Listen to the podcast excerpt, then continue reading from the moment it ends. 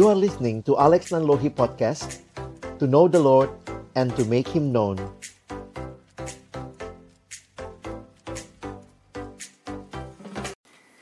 Mari teman-teman, sebelum kita membaca merenungkan firman Tuhan, kita berdoa. Bapa di dalam surga, biarlah pujian kami ini menyatakan bahwa kami sungguh ingin rindu melayanimu. Kami berdoa kesempatan siang hari ini ketika kami kembali akan membuka firman-Mu, kami mohon ya Tuhan bukalah juga hati kami, jadikanlah hati kami seperti tanah yang baik, supaya ketika benih firman Tuhan ditaburkan, itu boleh sungguh-sungguh berakar, bertumbuh, dan juga berbuah nyata di dalam kehidupan kami. Berkati baik hambamu yang menyampaikan, setiap kami yang mendengar, Tuhan tolonglah kami semua, agar kami bukan hanya menjadi pendengar-pendengar firman yang setia, tapi mampukan kami dengan kuasa pertolongan dari rohmu yang kudus, kami dimampukan menjadi pelaku-pelaku firman-Mu di dalam kehidupan kami, di dalam masa muda kami. Bersabdalah ya Tuhan, kami umat-Mu sedia mendengarnya. Di dalam satu nama yang kudus, nama yang berkuasa, nama Tuhan kami Yesus Kristus, kami menyerahkan pemberitaan firman-Mu. Amin. Ya, shalom teman-teman sekalian. Bersyukur kepada Tuhan buat kesempatan untuk sharing firman Tuhan hari ini dan saya coba uh, share slide yang saya siapkan dalam tema kita hari ini dan um, Kalex ingin kita sama-sama nanti melihat ya bagaimana firman Tuhan memberikan kepada kita wawasan ya untuk mengerti panggilan pelayanan dan juga kalau kita biasa bilang sebutkan uh, seperti sesi kita hari ini ya bicara bayar harga di dalam pelayanan. Nah, saya akan mulai dengan mengajak kita melihat beberapa bagian firman. Nanti kalau ada waktu, silakan nanti boleh tanya jawab begitu ya. Kalau ada pertanyaan, teman-teman boleh simpan gitu ya. Nah, kita akan lihat sama-sama di dalam Injil Markus. Injil Markus pasalnya yang ke-10. Kita akan melihat di dalam ayat yang ke-42 sampai dengan ayat yang ke-45 ya. Markus pasal 10 ayat 42 sampai 45. Kalau teman-teman punya Alkitab cetak, kalian mau lihat di situ, lihat judul yang diberikan oleh Lembaga Alkitab Indonesia. Uh, judulnya adalah Permintaan Yakobus dan Yohanes bukan memerintah melainkan melayani, ya. Nah, saya ingin kita melihat beberapa hal siang hari ini dari bagian ini. Nah, um, abang udah tulis juga ayatnya di depan. Jadi kalian bisa lihat di screen sambil kita nanti akan memperhatikan ya.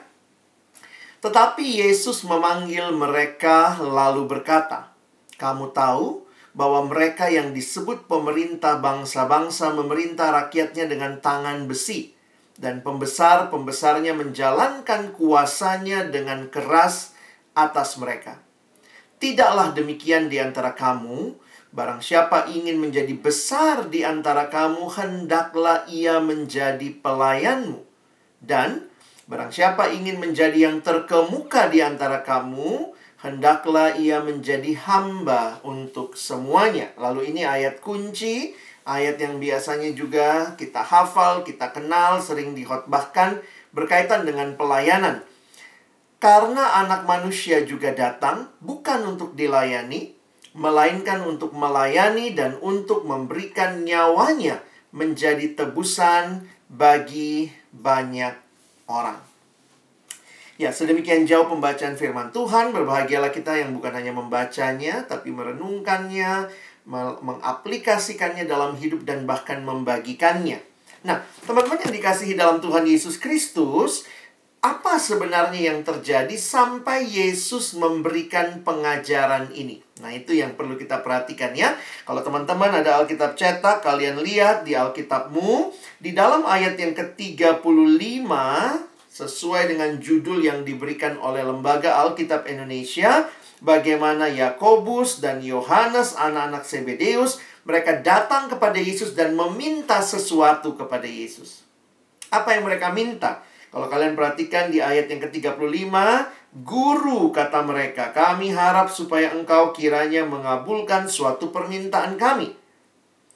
Jawabnya kepada mereka, apa yang kamu kehendaki aku perbuat bagimu? Lalu mereka jawab di ayat 37. Lalu kata mereka, perkenankanlah kami duduk dalam kemuliaanmu kelak, yang seorang lagi di sebelah kananmu dan yang seorang di sebelah kirimu. Nah, jadi teman-teman masih dalam konteks ini kita perlu membayangkan situasinya lagi kenapa sih? Yesus lagi berjalan bersama murid-muridnya menuju ke Yerusalem. Nah, ternyata pemikiran dari murid-muridnya, orang Yahudi yang punya pengharapan mesianis, pengharapan akan Mesias yang akan membebaskan mereka dari belenggu penjajah pada waktu itu, sehingga mereka tahu bahwa kalau Yesus menuju ke Yerusalem, Yerusalem itu pusatnya agama Yahudi, maka ketika Yesus ada di sana, Yesus sedang mau mengokohkan kerajaannya, dia mungkin akan melakukan revolusi dan kemudian mereka tampil menjadi bangsa yang merdeka melawan penjajahan Romawi. Mungkin itu yang ada dalam benak mereka. Mereka akan bersama-sama dengan Yesus memerintah. Sehingga jangan heran, dalam perjalanan menuju Yerusalem, ketika semakin de dekat menuju Yerusalem, bersaudara dua ini ya, Yakobus dan Yohanes minta sama Yesus, minta duduk di kiri, minta duduk di kanan ya kira-kira minta posisi begitu ya. Nah, lalu kemudian di sinilah Yesus mengajarkan kepada mereka bahwa dia akan menanggung siksaan dan dia akan harus minum cawan. Dan itu yang dituliskan di ayat yang ke-39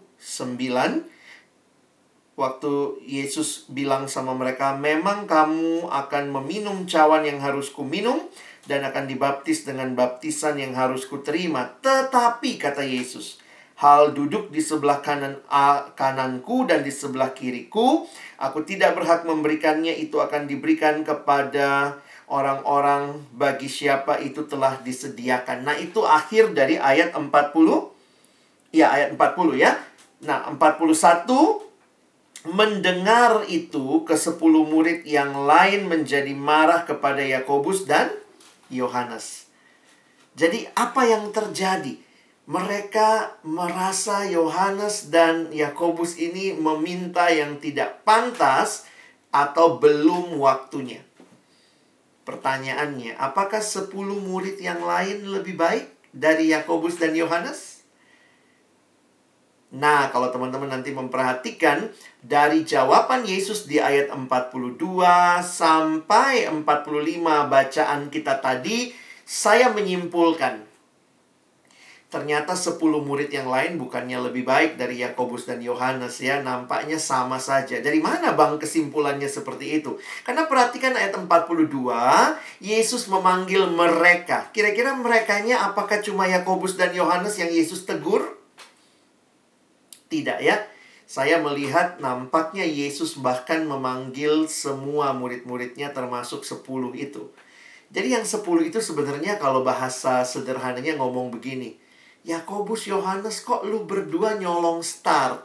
Minta kedudukan duluan. Tentu juga mungkin dalam benak mereka, mereka juga mau kedudukan ketika mereka membayangkan Yesus akan menjadi raja. Tapi Yohanes dan Yakobus masih di jalan, belum sampai Yerusalem ya, sudah minta duluan. Nah, teman-teman kenapa ini jadi penting? Karena dari konteks inilah Yesus memberikan pengajaran yang penting sekali berkaitan dengan apa artinya melayani. Atau dalam konteks ini lebih jauh lagi, apa sih artinya memimpin?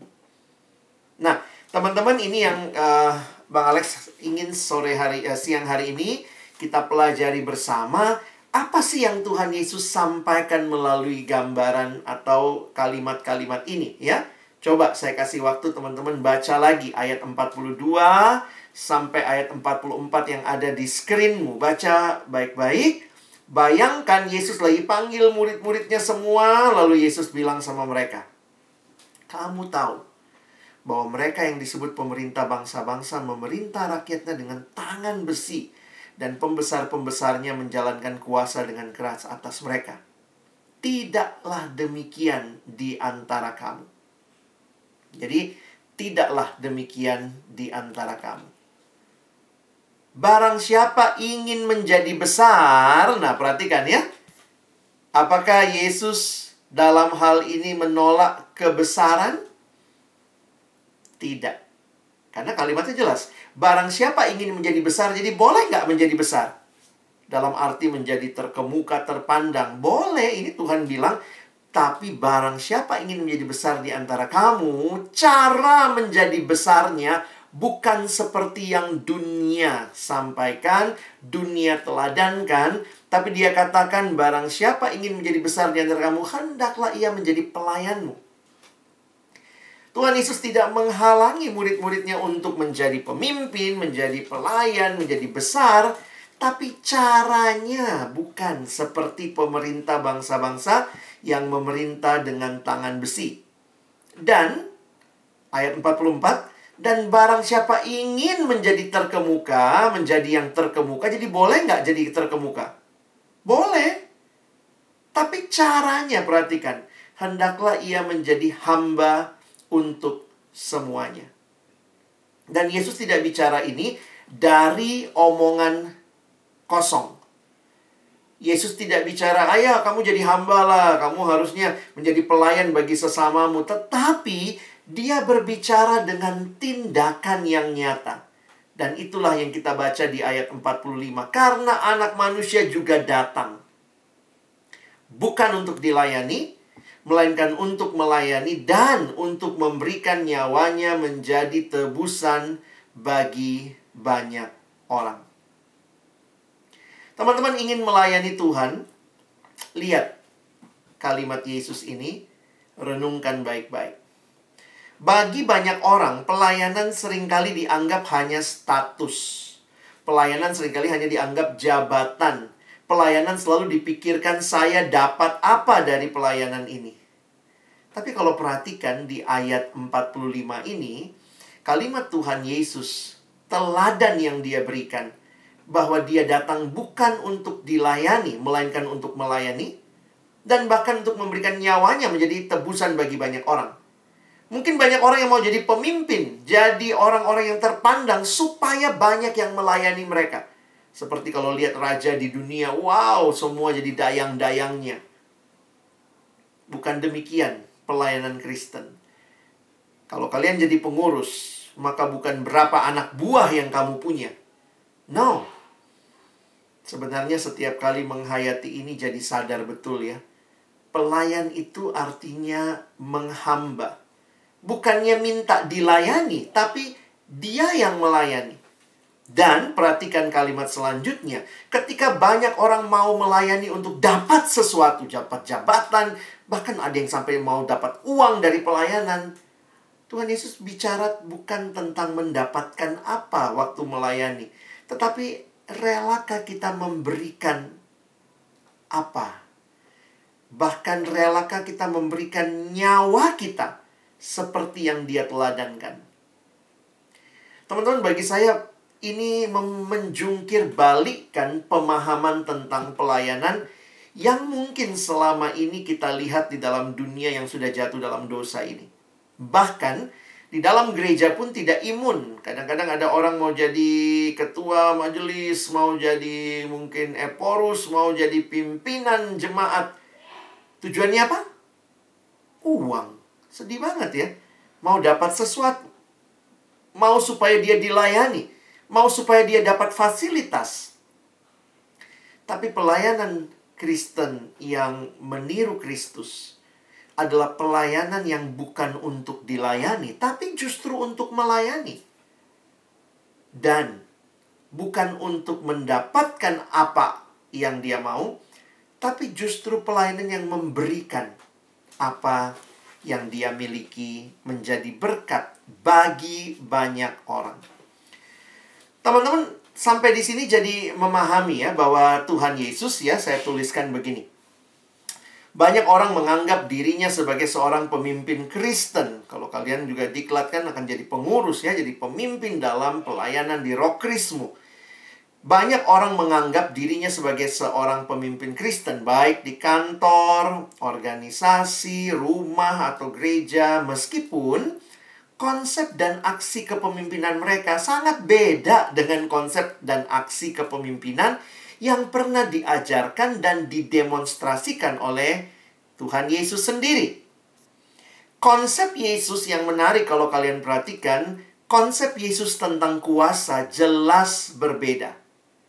Nah, tapi kita mesti ingat, penting untuk kita garis bawahi bahwa Yesus sendiri tidak meniadakan kuasa ya. Jangan pikir Yesus tidak me, tidak bicara kuasa. Dia bicara kuasa karena dia sendiri memiliki kuasa. Tapi perhatikan. Yang Yesus lakukan adalah membongkar dan memperbaiki pengertian kuasa dan bagaimana penerapannya oleh sang pemimpin. Jadi kalau teman-teman perhatikan, ajaran Yesus tidak meniadakan kuasa, tapi kuasa yang dimiliki itu dipakai untuk apa? Jadi, ini yang perlu kita ingat ya, ajaran Yesus sama sekali tidak berfokus pada kuasa seseorang, seorang pemimpin. Namun kalau kita lihat dari ayat-ayat tadi, ini berfokus kepada kerendahan hati seorang pelayan. Kenapa ini penting? Uh, banyak kali ketika abang juga melayani pertama kali ya, saya juga melayani dari siswa ya. Memang ya awal-awalnya ya keren-kerenan lah ya. Wih, anak rokris, rajin datang, eh jadi pengurus, eh jadi ketua, eh jadi tim inti lah apalah istilahnya. Seringkali tanpa kita sadari memang motivasi ini nggak benar ya tapi seiring berjalannya waktu, saya bersyukur Tuhan makin membentuk. Ketika engkau juga rendah hati dibentuk Tuhan, dan salah satu konsep yang akhirnya makin saya hayati adalah konsep pelayan. Kenapa abang belum ngomong masalah bayar harga ya? Padahal itu tema kita. Saya mau kita ngomong dulu konsep pelayan ngerti dulu konsep pelayan baru nanti kamu jadi ngerti sebenarnya ya. Karena saya sebenarnya jujur uh, dalam perenungan pribadi ya makin merasa istilah bayar harga itu kok rasanya nggak sopan. Loh kok bisa begitu? Tunggu ya abang coba jelaskan. Nah saya mau mulai dulu dengan menghayati status kita nih. Kalian coba lihat saya kasih dua pilihan. Kalau ada dua kalimat ini yang atas pelayan yang memimpin, yang kedua pemimpin yang melayani, mana menurut kalian yang kalian rasa lebih tepat dari dua kalimat ini? Kalimat pertama atau kalimat kedua? Silakan, ini nggak ada benar salah ya, namanya kita juga sama-sama belajar ya. Silakan, kalian bisa tulis di kolom atau di live chat Mana? Kalian lebih setuju yang pertama atau lebih setuju yang kedua? Mana menurutmu yang lebih pas? Silakan. Pelayan yang memimpin, oke. Okay. Lanjut, ada lagi nomor satu atau nomor dua? Boleh begitu kali ya, biar lebih gampang ya. Pilihannya nomornya aja, biar nggak usah diketik panjang. Satu apa dua? Oke, okay. satu. Oke, okay. rata-rata satu. Mm -mm. Ada dua juga. Gak apa-apa juga ya. Oke, okay. ada yang dua juga, ada yang satu ya. Memang hidup itu mesti memilih ya. Sekarang di kubu pecinta drakor lagi terpecah dua ini ya. Nam Dosan atau Han Ji Pyong ya. Jadi harus memilih yang mana. Oke, yang kedua, pemimpin yang melayani. Ada lagi? Oke. Baik.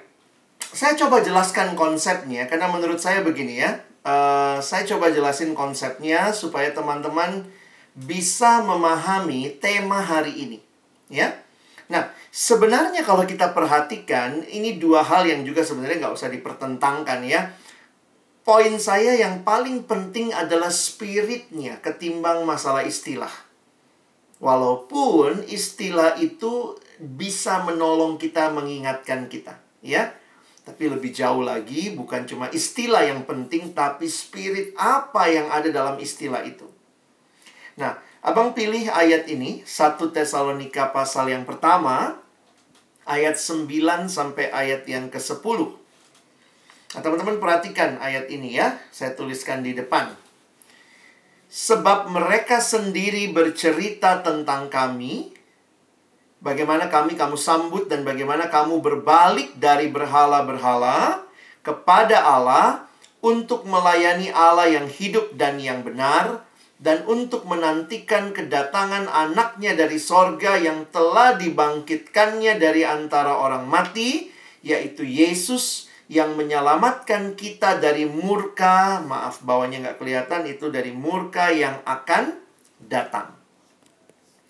Nah, teman-teman perhatikan sebentar. Ketika Alkitab berbicara tentang pelayanan, yang menarik dari ayat ini, waktu Paulus berbicara kepada jemaat Tesalonika dalam suratnya ini, saya menyimpulkan bahwa ternyata pelayanan itu sebenarnya lebih mendasar adalah being, bukan sekedar doing.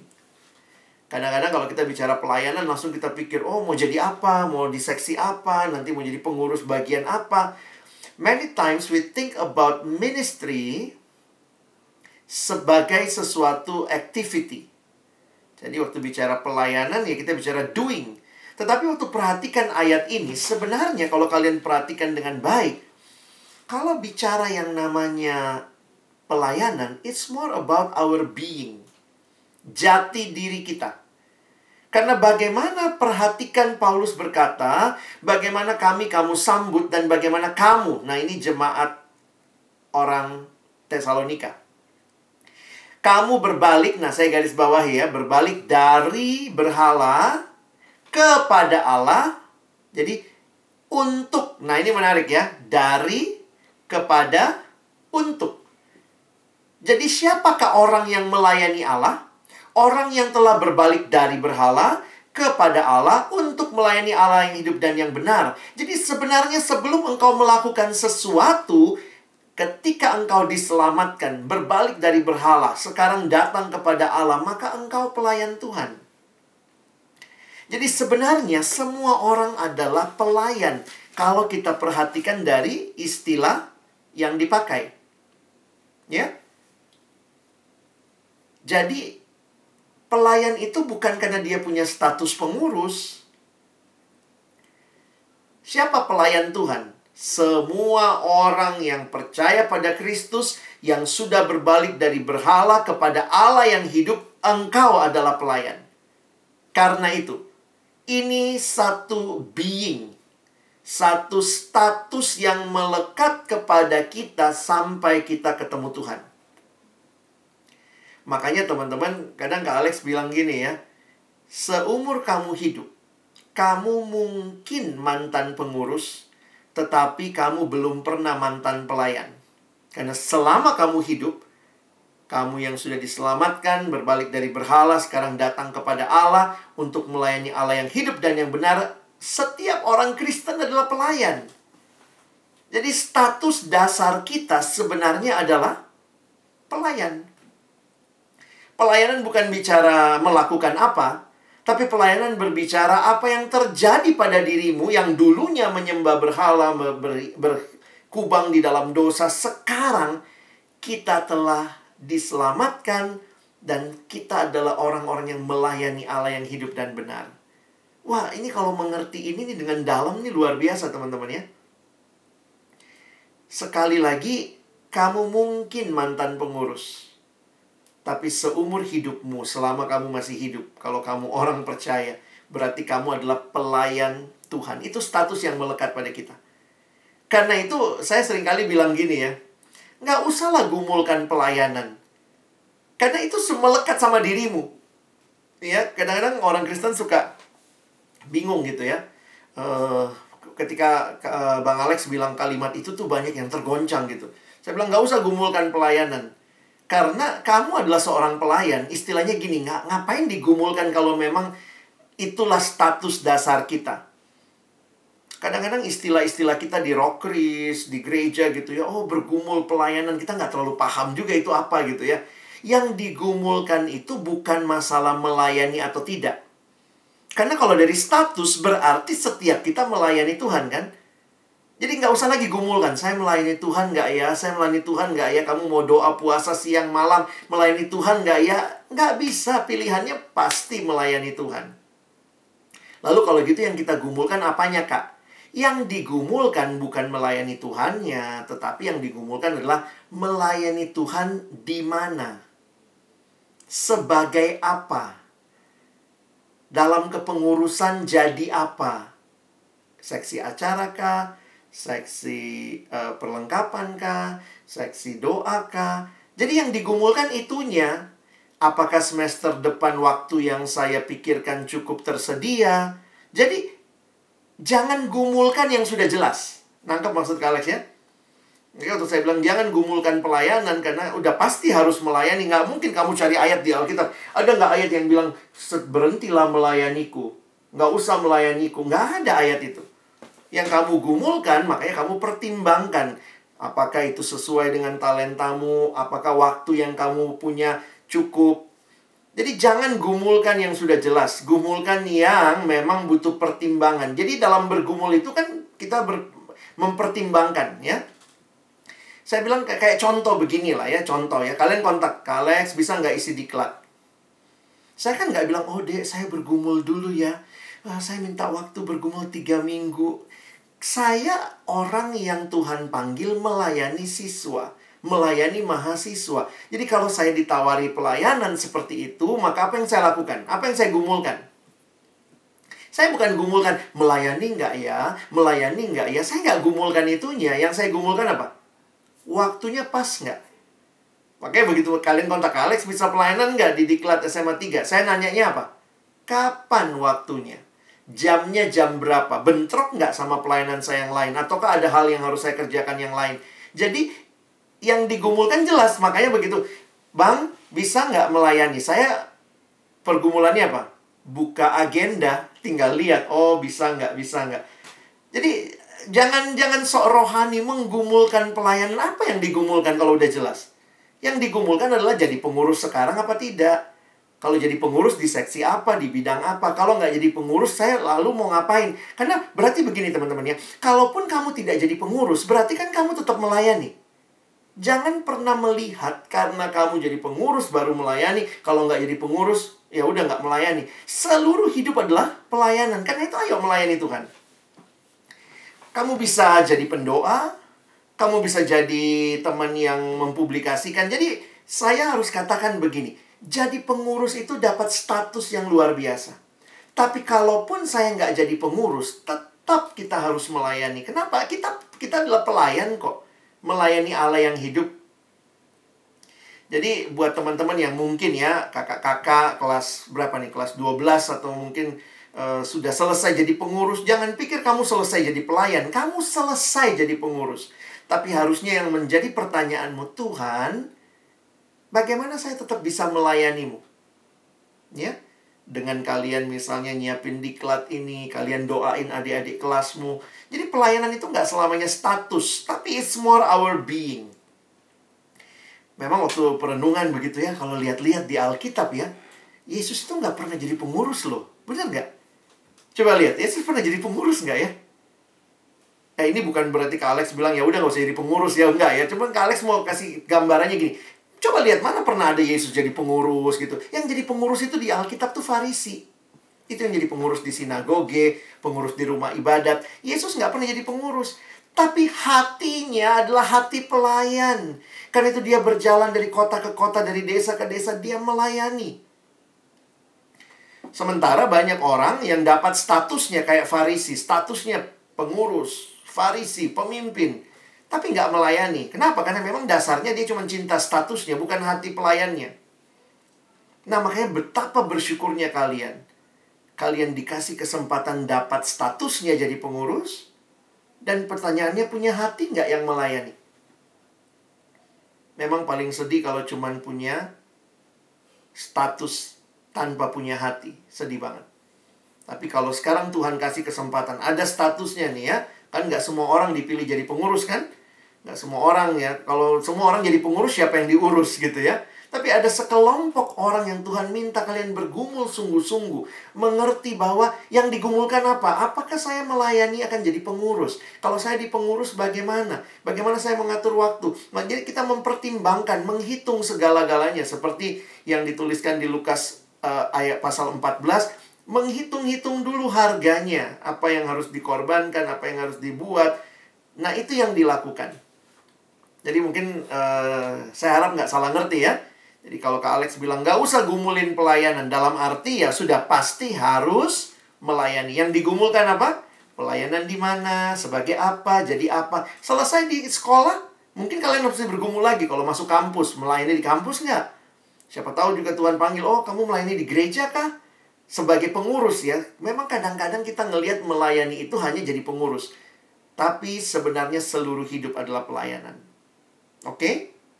Jadi nggak usah digumulkan Eh, kelamaan ya. Ada nggak yang tadi pagi bergumul? Napas nggak ya hari ini ya? Napas nggak ya? Kita nggak bergumul untuk hal-hal yang udah jelas. Ya, jadi jangan wasting time. Nah, konsep yang lain yang saya perhatikan kalau kita bicara pelayan, berhala dari berhala kepada Allah untuk melayani Allah yang hidup dan benar, saya pikir menarik sekali di dalam Alkitab ada dua konsep besar. Ini muncul di Perjanjian Lama dan juga ditegaskan di Perjanjian Baru ya. Coba Abang angkat konsep ini untuk kalian paham sebentar. Di dalam Perjanjian Lama, salah satu konsep yang cukup kuat adalah konsep penciptaan. Jadi ada pencipta, ada yang dicipta. Alkitab dari awal karena kita manusia ciptaan Allah, kita orang percaya, kita punya Alkitab. Alkitab khususnya kitab kejadian mencatat awal mula segala sesuatu langsung dikasih tahu dari awal. Kita bukan makhluk independen kita adalah ciptaan. Berarti ada yang mencipta kita. Nah kalau misalnya ada pencipta pencipta itu berarti dia penguasanya dia pemilik dia tuannya. Jadi waktu Adam dan Hawa dicipta pertama kali maka Adam dan Hawa manusia adalah punya siapa? Punyanya Allah, miliknya Allah, hambanya Allah. Jadi sebenarnya ya coba misalnya abang ini kalian lihat ada botol minum ya misalnya. Pertama kali saya cipta botol minum ini. Maka numpang tanya pertama kali dicipta botol ini punya siapa? Punya penciptanya kan mungkin kau bilang tapi tunggu bang kan bisa dijual tahan dulu otak dagangmu ya begitu sebuah benda dicipta pertama kali, maka begitu dicipta sebenarnya itu punya pen penciptanya. Siapa yang harusnya benda ini layani? Penciptanya. Siapa rajanya benda ini?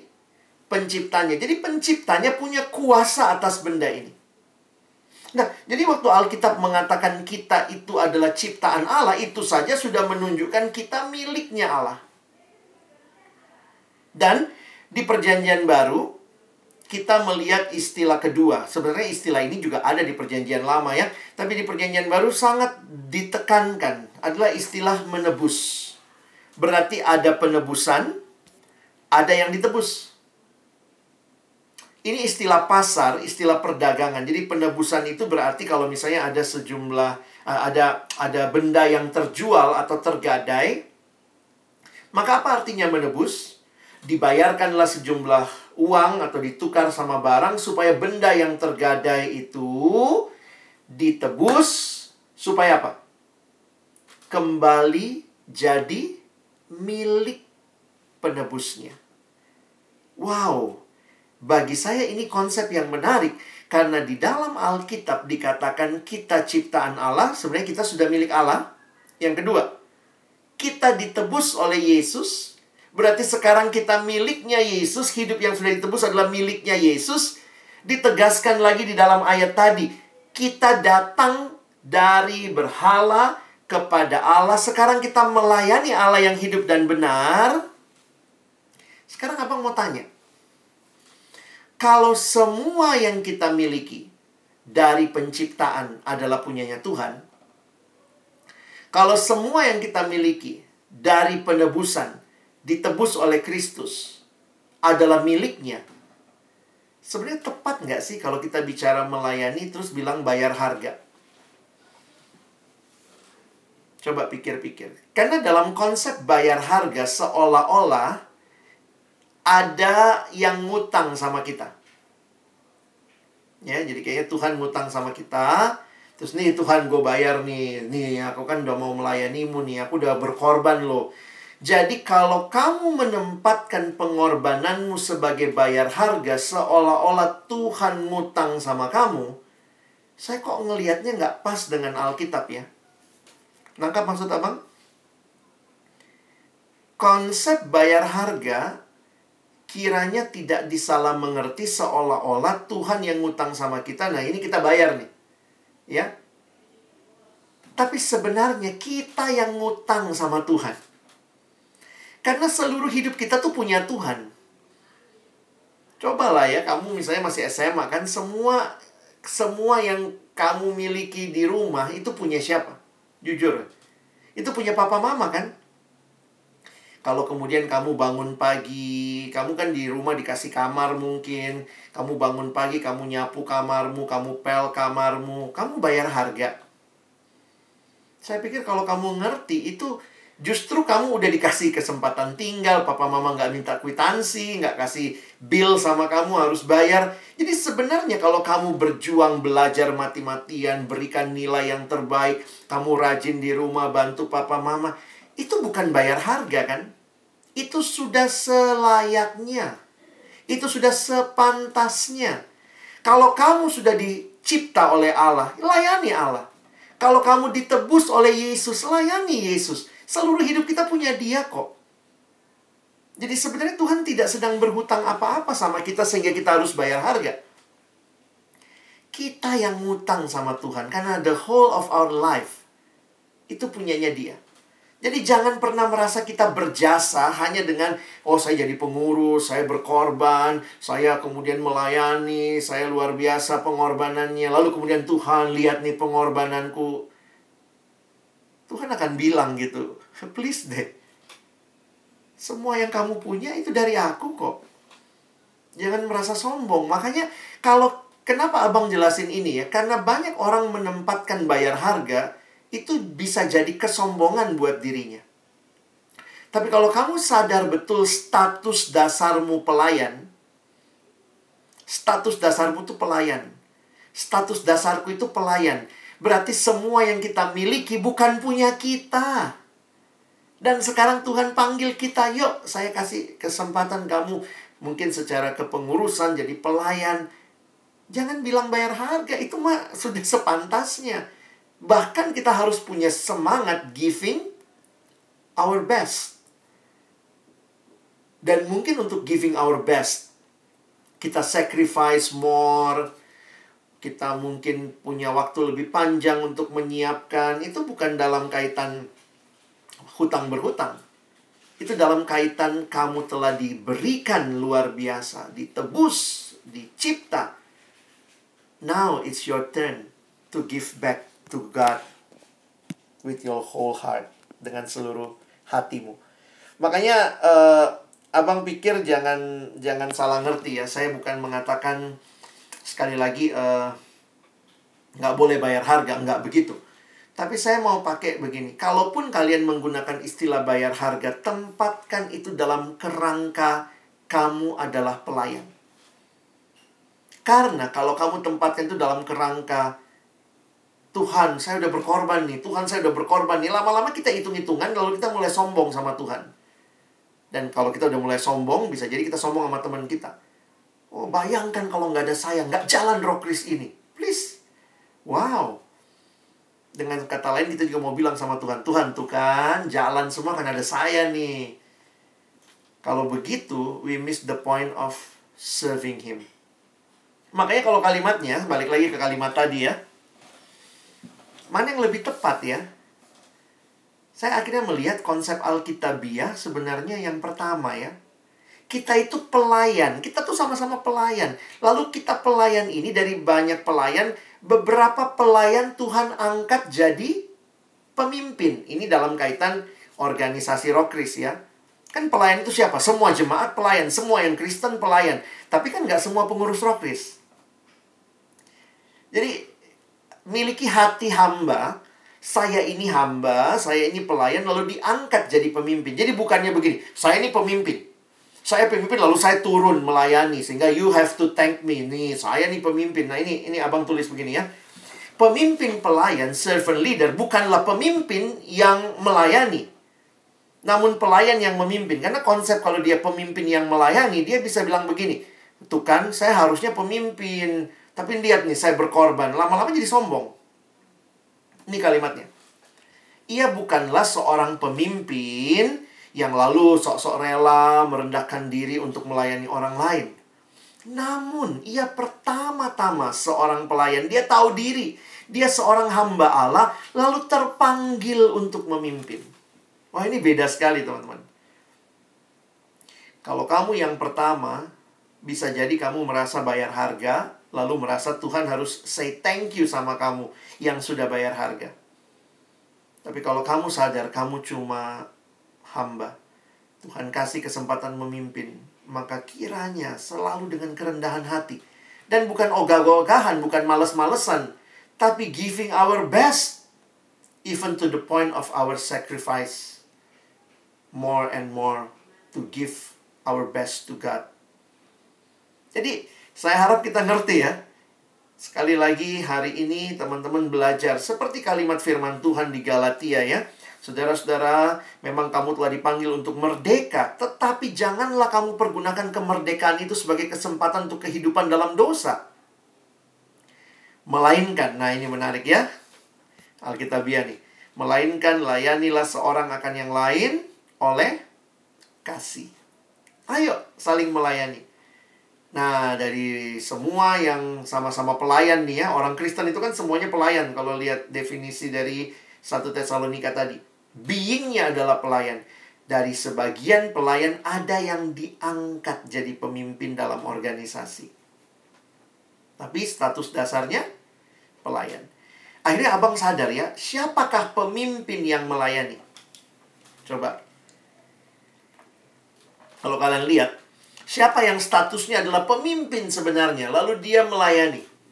Saya pikir cuma Tuhan Yesus ya. Kita itu bukan, kita memang pelayan. Kita dicipta kok, kita ditebus kok, kita harusnya melayani Allah. Cuma Yesus itu ya, dia dari tinggi, dia pencipta loh, dia turun melayani. Bagi saya luar biasa dia pemimpin yang menghambakan diri. Tapi saya dan saudara, kita cuma hamba yang dikasih privilege terhormat. Jadi pengurus di Rokris SMA 3 Depok. Mau giving our best? Maukah kita jadi pelayan yang benar-benar menghamba ketika kita memimpin pun kita jadi nggak sombong? Saya suka mikir gini ya, memang dunia selalu punya konsep pemimpin itu di atas. Makanya kalau bikin struktur kepengurusan kan pemimpin itu paling atas, ketua rokrisnya, lalu kemudian ke bawah ke bawahnya. Jadi kayaknya kalau dipikir-pikir tuh kayak begini. Saya ketua rokris nih, misalnya ke Alex ketua rokris ya, saya ketua rokris lalu kemudian berapa anggota saya? Anggap saya punya anggota 200 anak Kristen di SMA 3 Depok. Kadang-kadang kalau lihat struktur, kesannya kayak gini. Saya ketuanya, saya punya 200 anak buah. Itu cara berpikir dunia. Gimana cara berpikir Kristen? Pemimpin itu hamba. Nah mungkin ya nggak nggak lazim sih masa bikin struktur kepengurusan ketuanya paling bawah ya. Semua di atas lalu ketua yang paling bawah. Sebenarnya kalau kita sadar ya, ketua Rokris, kalau kamu punya anggota 200, kamu menjadi pelayan, kamu melayani 200 anggota. Jangan dipikir saya punya 200 anak buah, tapi itulah orang-orang yang harus saya layani. Sebagaimana Kristus datang ke dalam dunia, dia melayani. Sehingga luar biasa lihat. Pelayanan Yesus dalam Markus 10 tadi. Dia datang. Dan dia bukan hanya datang untuk kunjungan kerja. Yesus nggak ke dunia untuk studi tour, studi banding ya. Tapi lihat apa yang dia berikan untuk melayani kita? Dia memberikan nyawanya menjadi tebusan bagi banyak orang. Yang the best yang seseorang miliki, manusia yang hidup itu yang the best yang dia miliki sebenarnya itu nyawa. Yang paling berharga itu nyawa. Dan waktu baca ayat itu saya jadi sadar ya. Teladan menjadi hamba. Giving the best. Itu bukan bicara bayar harga. Tapi itulah yang seharusnya dilakukan oleh orang-orang yang mengalami kasih Kristus yang luar biasa. Jadi saya berharap uh, mungkin kalau kita bicara negatif side-nya kita suka pakai istilah bayar harga, tapi Abang hari ini mengubahnya menjadi positive side untuk kalian lihat dengan lebih jelas. Kamu adalah pelayan, saya adalah pelayan yang sedang giving our best. Kepada siapa? Kepada Tuhan kita. Kenapa kita mesti giving our best kepada Tuhan kita? Dia yang ciptakan kita. Bahkan waktu kita jatuh dalam dosa, dia tebus kita. Bayangkan dia pencipta, dia penebus. Itu kayak di stempel dua kali ya. Pertama, kamu milikku, dicipta, plek kamu milikku. Habis itu dosa, ditebus, kamu milikku. Sekarang adakah pilihan kita mau melayani siapa? Mau melayani dunia? Oh nggak klop, kita harus melayani Allah. Poinnya apa? Giving our best, even to the point of sacrifice. Yesus menyerahkan nyawanya. Jadi dulu anak-anak suka tanya sama abang gitu ya bang apa sih harga yang harus kita bayar? Saya bilang sebenarnya kalau bicara bayar harga kita mesti ingat tuh ya Yesus itu kan memberikan nyawanya. Kadang-kadang jadi pengurus tuh Tuhan minta apa sih?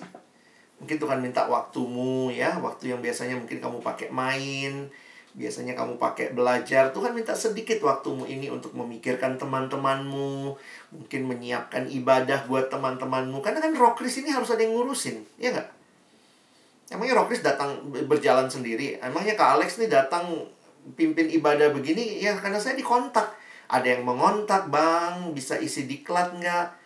Itu kan harus ada yang ngurus ya. Kalau kita mau rokris kita berjalan orang terus dapat berkat ya harus ada yang mengurus. Nggak mungkin nggak ada yang ngurus saya kan nggak dikontak dari malaikat tadi malam mau malaikat bilang oh Alex datanglah ke SMA 3 Depok. Tiba-tiba saya muncul hari ini kenapa abang datang? Oh saya dikontak malaikat. Ada jelas yang kontak saya pengurus. Kenapa harus ada yang mengurusi rokris ini? Nah sekarang Tuhan panggil siapa yang akan mengurusi? Yang mungkin sacrifice your time. Di saat teman-teman lagi liburan mungkin kamu bisa jadi orang yang memikirkan tema untuk teman-teman. Di saat orang mungkin lagi main game, lagi nonton drakor, kamu sacrifice your time, uh, pikiranmu untuk memikirkan teman-temanmu, memikirkan program, mendoakan. Saya pikir ya butuh orang-orang yang yang rindu ya melayani dan melihat bahwa kalau saya memberikan ini karena saya sebenarnya sudah diberi oleh Tuhan. Saya ditebus, saya dicipta, saya diselamatkan. Nah ini saya hanya memberi yang terbaik yang saya miliki. Tuhan juga nggak minta semua waktumu kan. Kamu tetap seorang pelajar di rumah seorang anak. Tuhan minta bagian dari waktumu untuk memikirkan pelayanan. Untuk menyiapkan sebuah pelayanan. Jadi kadang-kadang kalau ada yang bilang, ya kak, apalagi yang harus saya kasih ya, apalagi yang saya harus kasih saya pikir gini deh, lihat Tuhan Yesus saja. Yang paling maksimal yang Yesus kasih adalah nyawa. Jadi dulu ada yang datang sama Kak Alex, uh, dia komplain ya, Kak, saya capek nih pelayanan gini, gini, gini, gini. Biasa gitu ya. Terus saya bilang, oh kamu capek. Ya, terus saya tanya, Yesus melayani sampai apa? Uh, Yesus melayani sampai mati, Kak. Hmm, bener-bener ya. Nah, kamu baru capek. Tuhan Yesus sampai mati. Ayo, pelayanan lagi ya. Jadi lama-lama dia kesel juga datang sama saya. Kadang-kadang dia datang, Kak, gue kesel nih di pelayanan. Kok ada salah ngerti satu seksi kok nggak nggak klop amat gitu ya. Aduh kak, aku nggak mau deh, males melayani gini. Terus saya mau mundur kak. Terus saya bilang ini, oke. Okay, uh, eh, kamu baru disalah mengerti. Tuhan Yesus pelayanan sampai sampai mati. Akhirnya dia tanya sama saya, Kak, boleh nggak sih kita komplain tentang pelayanan? Gue capek, Kak. Gue gini, gini, gini. Saya bilang, ya boleh, boleh komplain. Tapi komplainlah kalau kamu sudah memberikan seperti Tuhan Yesus. Kira-kira saya bilangnya gitu ya. Jadi kalau kamu bilang, Tuhan Yesus, saya sampai mati melayanimu Tuhan. Terus Tuhan bilang, eh aku juga, aku sampai mati loh. Tos gitu ya. Kalau masih, Tuhan capek, ayo pelayanan lagi. Yesus sampai mati ya. Oh, aku disalah mengerti, ayo pelayanan lagi. Jadi kadang-kadang kalau lihat harga-harga yang dibayar, kalau pakai bahasa harga yang dibayar, itu tuh. Tapi nggak seberapa dengan apa yang sudah Tuhan berikan buat kita. Nah, hari ini Kak Alex ingin kita membingkai ulang ya. Pemahaman tentang aku ini pelayan. Aku dipanggil melayani ini kehormatan. Dan kalau Tuanku saja menebus aku, dia bayar lunas harganya. Sekarang aku ingin memberikan yang terbaik baginya. Itu harga yang harus dibayar? Mungkin orang lain bilangnya harga. Tapi saya melihatnya ini bukan harga. Ini adalah pengabdian untuk apa yang dia sudah berikan luar biasa bagi saya. Saya tutup dengan kalimat berikut ini. Teman-teman tolong ingat-ingat kalimat ini kalau kalian melayani satu waktu dapat kepemimpinan, dapat kepengurusan begitu ya. Di Rockris ini ini kalimat dari teman saya Profesor Senjaya ya. Perhatikan kalimatnya, filosofis sekali. Setelah saya jelaskan tadi, saya harap kalian bisa ngerti ya. Memimpin adalah melayani. Namun, melayani belum tentu memimpin. Ya, benar ya? Kan semua orang pelayan. Apakah semua jadi pengurus, semua jadi pemimpin? Enggak juga. Nah, jadi memimpin adalah melayani. Namun melayani belum tentu memimpin. Karena itu konsekuensi logisnya.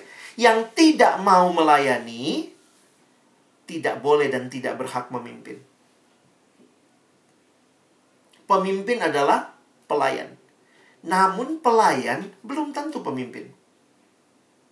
Yang tidak rela menjadi pelayan tidak layak menjadi pemimpin. Dengar kalimat ini baik-baik dan sadari betul kalau Tuhan kasih kesempatan kamu jadi pengurus, jadi pemimpin, jangan lupa miliki terus hati yang melayani. Karena yang tidak rela menjadi pelayan, sebenarnya engkau tidak layak menjadi pemimpin. Tapi kalau engkau meniru Kristus, biarlah kamu punya hati seorang pelayan, sehingga setinggi apa pun jabatanmu di dunia ini, tetap hatimu adalah memberikan yang terbaik buat Tuhan dan bagi orang lain. Selamat bergumul, selamat mengabdi kepada Tuhan, memberikan the best. Kalau kamu mau sebut itu bayar harga, ingat, Tuhan tidak sedang hutang, tapi kamu sedang memberikan, meresponi apa yang sudah Tuhan berikan. Amin. Mari kita berdoa. Hari ini kami bersyukur boleh belajar tentang pelayanan dan kiranya hal ini membingkai pemahaman kami, membingkai pemikiran kami, pelayanan kami untuk ke depannya di Rokris SMA 3 Depok. Terima kasih kesempatan ini Tuhan berikan. Murnikan terus motivasi kami untuk pada akhirnya kami bukan melayani supaya dipuji orang, dilihat orang kami bukan pelayanan supaya mendapatkan sesuatu, tapi kami melayani karena ini adalah respon pengabdian kami kepada Tuhan yang sudah memberikan segalanya bagi kami. Engkau menebus kami.